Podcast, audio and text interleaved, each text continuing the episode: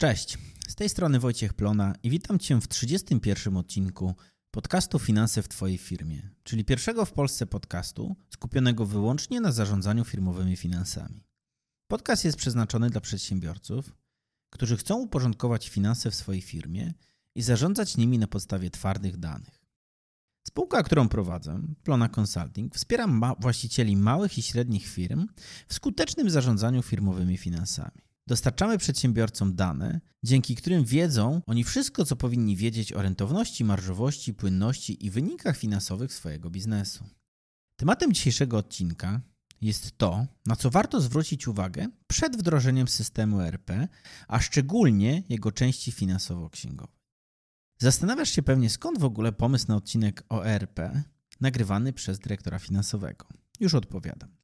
Dla mnie system ERP to jest swego rodzaju taki kombajn, który powinien odwzorowywać procesy w firmie, ewidencjonować, co się dzieje i przetwarzać te dane.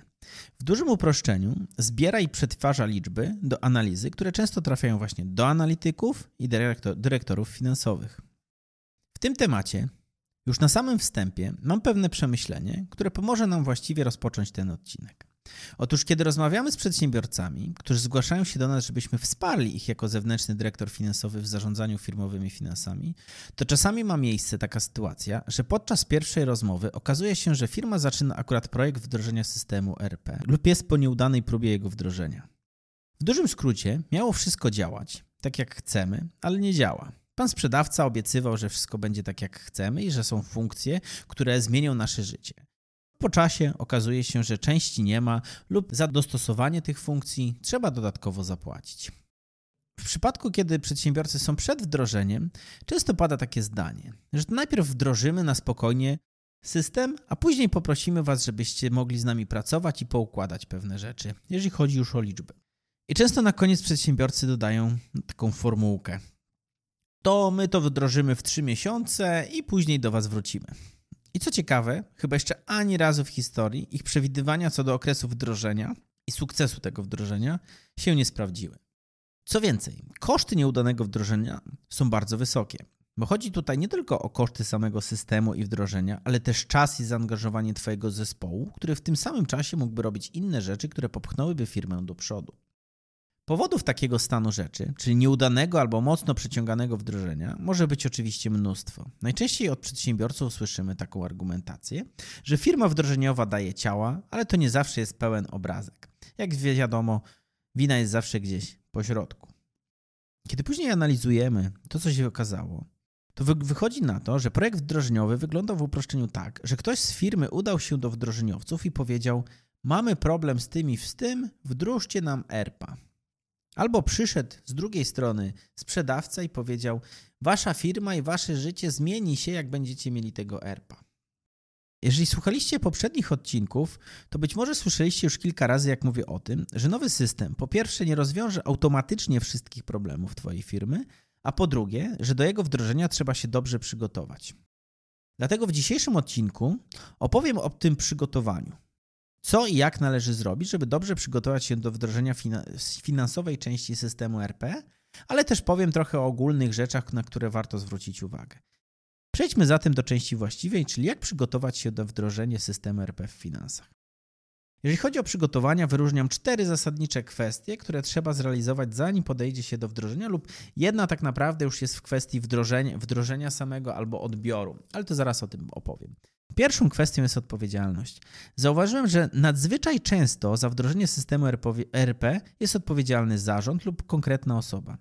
Nie jest w tym nic złego, z uwagi na fakt, że często systemy klasy RP to większe wydatki.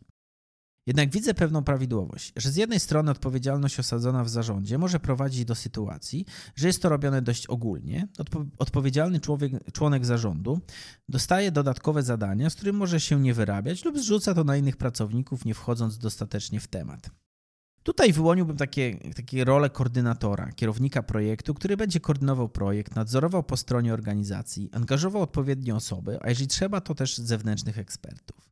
Warto pamiętać, że w procesie wdrożenia jest kilka obszarów wiedzy: produkcja, finanse, zakupy, logistyka itd., tak itd., tak co powoduje, że trzeba skoordynować pracę wielu osób z wielu specjalności biznesowych, które nie zawsze są spójne. Często budowane są grupy zadaniowe, ambasadorów tego typu projektów, którym najbardziej zależy na wdrożeniu. To często są ludzie, którzy wykaża, wykażą się największą determinacją i tak naprawdę najwięcej mogą skorzystać na wdrożeniu tego systemu. Przechodząc już do drugiej kwestii, czyli określenia celów i oczekiwań, mam takie wrażenie albo takie przekonanie, że system ERP za, za zawsze wdrażamy w jakimś konkretnym celu. Trzeba pamiętać, że wdrażany system ma służyć ludziom. W Chłopaki nie płaczą była taka scena z egzaminem, gdzie profesor Zajączek wypowiada słynne słowa, gotowi pomyśleć, że my tu jesteśmy dla nich. Często występuje pewna luka pomiędzy jak dzisiaj realizowane są procesy i analizy, a tym jak to chcieliby robić kierownicy, dyrektorzy czy zarząd. Brak identyfikacji tych obszarów i oczekiwań będzie prowadził do stwierdzeń, że nie o to nam chodziło lub działa nie tak. Myślę, że kluczowe jest tutaj mieć na pokładzie człowieka, który będzie odpowiedzialny za nadzór nad zbieraniem oczekiwań w organizacji. Często wiem, że po stronie dostawców systemów RP są prowadzone wywiady. Jednak czasami mam wrażenie, że są one prowadzone dość pobieżnie lub przez osoby, które nie wiedzą, co kryje się za odpowiedziami i nie identyfikujące ryzyk lub niespójności w odpowiedziach. Czyli jeżeli ktoś, kto prowadzi wywiad, nie do końca na przykład ma wiedzę finansową, a pyta księgowa o pewne aspekty, to może nie zauważyć tych szczegółów, że coś tam się nie zgadza, że na przykład procesy produkcyjne nie do końca odpowiadają pro, procesom księgowym, albo na przykład jest nie, nie taka struktura planu kont, że dzisiejsza struktura planu kont nie, nie odpowiada tym analizom, które chcemy robić i nagle powstaje pewna luka lub rozbieżność, którą trzeba wyprostować. Jeżeli osoba nie ma tej wiedzy finansowej, no to nie jest w stanie do końca sobie z tym poradzić i nie zidentyfikuje tego i to później wyjdzie. Z drugiej strony warto pomyśleć o tym, że idąc do kadry zarządzającej, możemy zetknąć się z przysłowiowym koncertem życzeń. Nieraz spotkałem się z sytuacjami, gdzie definiowane oczekiwania były na, tak na wyrost, że z jednej strony firma wdrożeniowa miałaby duże wyzwanie, żeby to zrobić, a z drugiej strony oczekiwania, które definiowały właśnie kierownicy, dyrektorzy, zarząd, były znacząco wyższe niż faktyczne potrzeby. Czyli trochę robienia sztuki dla sztuki albo pokazania się, że my byśmy chcieli tak i tak, tylko później nikt tak naprawdę nie przemyślał i nie przewidział, po co nam to będzie i czy my faktycznie będziemy z tego korzystać. Trzecim aspektem, który jest szczególnie ważny, myśląc o wdrożeniu systemu informatycznego, czy to RP, czy CRM-u, czy też innych, można przyjąć, że jest to nakładka na obecnie funkcjonujące w firmie procesy. I co mam przez to na myśli? Samo wdrożenie systemu RP nie sprawi na przykład, że nagle twoi wszyscy pracownicy z dnia, z dnia na dzień zaczną w magiczny sposób pracować inaczej. Jak już zarządzasz trochę firmą, to wiesz, że jest zupełnie, zupełnie odwrotnie. Procesy w Twojej firmie, czyli jakieś ogólne przyjęte zestawy działań, które pracownicy w ramach firmy realizują w określonej kolejności, rządzą praktycznie całą Twoją firmą. Przykładowo, jeżeli dziś nie prowadzisz w ogóle magazynu, to wprowadzenie systemu do zarządzania gospodarką magazynową może stosunkowo niewiele zmienić. Dlatego właśnie tak istotne jest to, żeby najpierw przygotować się na wdrożenie od, od, strony procesów, czyli jak ten magazyn ma pracować, jak na przykład, jeżeli jesteśmy firmą produkcyjną, to jakie mamy receptury, co, e, co będzie szło z tego magazynu, jak to będzie przetwarzane, jakie te informacje będą pobierane, gdzie będą szły, jak to będzie rozksięgowane na kontach i wiele, wiele innych kwestii, które już teraz trzeba sobie omówić, jak ma być to zrobione, żeby takiej firmie wdrożeniowej móc to e, powiedzieć, bo często spotykam taką sytuację, że my nie mamy magazynu i teraz przychodzi firma wdrożeniowa i mówi, to jak wy to robicie? A oni mówią, no nie wiemy jak my to robimy, to weźcie coś zaproponujcie. No jak oni zaproponowali, to nagle się okazuje, że to nie o to chodziło,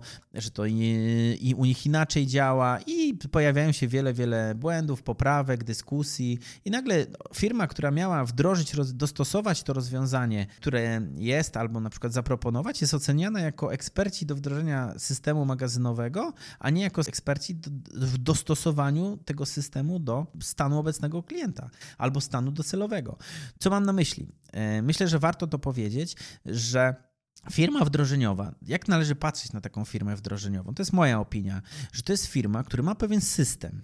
Czyli ona zna bardzo dobrze system i wie, jak go ustawiać i jak go dostosowywać do konkretnych potrzeb biznesowych. I teraz, jeżeli z tej strony nie ma tych potrzeb biznesowych, no to nie możemy czekać, oczekiwać od nich wiedzy eksperckiej, bo oni są ekspertami w tym systemie, a nie są ekspertami w dodatkowej wiedzy. Oczywiście mogą mieć takich ludzi, którzy mają mnóstwo doświadczenia, przerobili mnóstwo przypadków, ale to nie jest równoznaczne. Dlatego tak bardzo istotne jest, żeby właśnie przygotować się na wdrożenie, żeby zmapować te procesy, czy to w formie warsztatów, czy to w formie wywiadów, ale żeby naprawdę dopracować, jak ma faktycznie funkcjonować, jak dzisiaj organizacja funkcjonuje, czy nie ma tam po prostu, nie trzeba zmienić tej, czy, czy nie trzeba podejść trochę inaczej do tych procesów i wdrożyć. Nie ma nigdy złotego środka, czy, czy, czy, czy, czy, czy będziemy to robić na starych procesach, czy nowych. Gdzieś to trzeba po prostu wyważyć, w którym kierunku pójdziemy. Ostatnią kwestią, to już jest kwestia, która tak naprawdę jest w trakcie już wdrożenia systemu, to jest kwestia szkoleń i znajomości systemu. Tak naprawdę powodzenie wdrożenia systemu będzie zależało od tego, jak użytkownicy rozumieją i znają funkcję tego systemu, jak potrafią go wykorzystywać w codziennej pracy. No i bez wiedzy, jak to działa, jakie ma możliwości, możemy doprowadzić do sytuacji, że tylko najprostsze lub te najbardziej, albo lub te funkcje, które najprościej zapamiętać, będą wykorzystywane. Mam doświadczenie, że właśnie na szkoleniach, na, pozna na poznaniu tego systemu, właściciele, kadra zarządzająca najwięcej oszczędzają przy wdrożeniu. Twierdzą, że jedno szkolenie wystarczy i później pracownicy nauczą się przez osmozę. I na tym dziś kończymy nasz odcinek. Uprzejmie dziękuję za wysłuchanie go do końca. Jeżeli akurat jesteś w procesie wdrażania systemu RP, no to życzę Ci wytrwałości, a jeżeli planujesz niedługo wdrożenie, to mam nadzieję, że pomoże Ci ona we właściwym przygotowaniu się. Jeżeli wiedza finansowa, którą dzisiaj dzielę w podcaście raz na dwa tygodnie jest dla Ciebie cenna, to zostaw proszę podcastowi ocenę w platformie, na której go słuchasz. Tymczasem ja bardzo dziękuję za przesłuchanie tego odcinka do samego końca i do usłyszenia za dwa tygodnie. Cześć!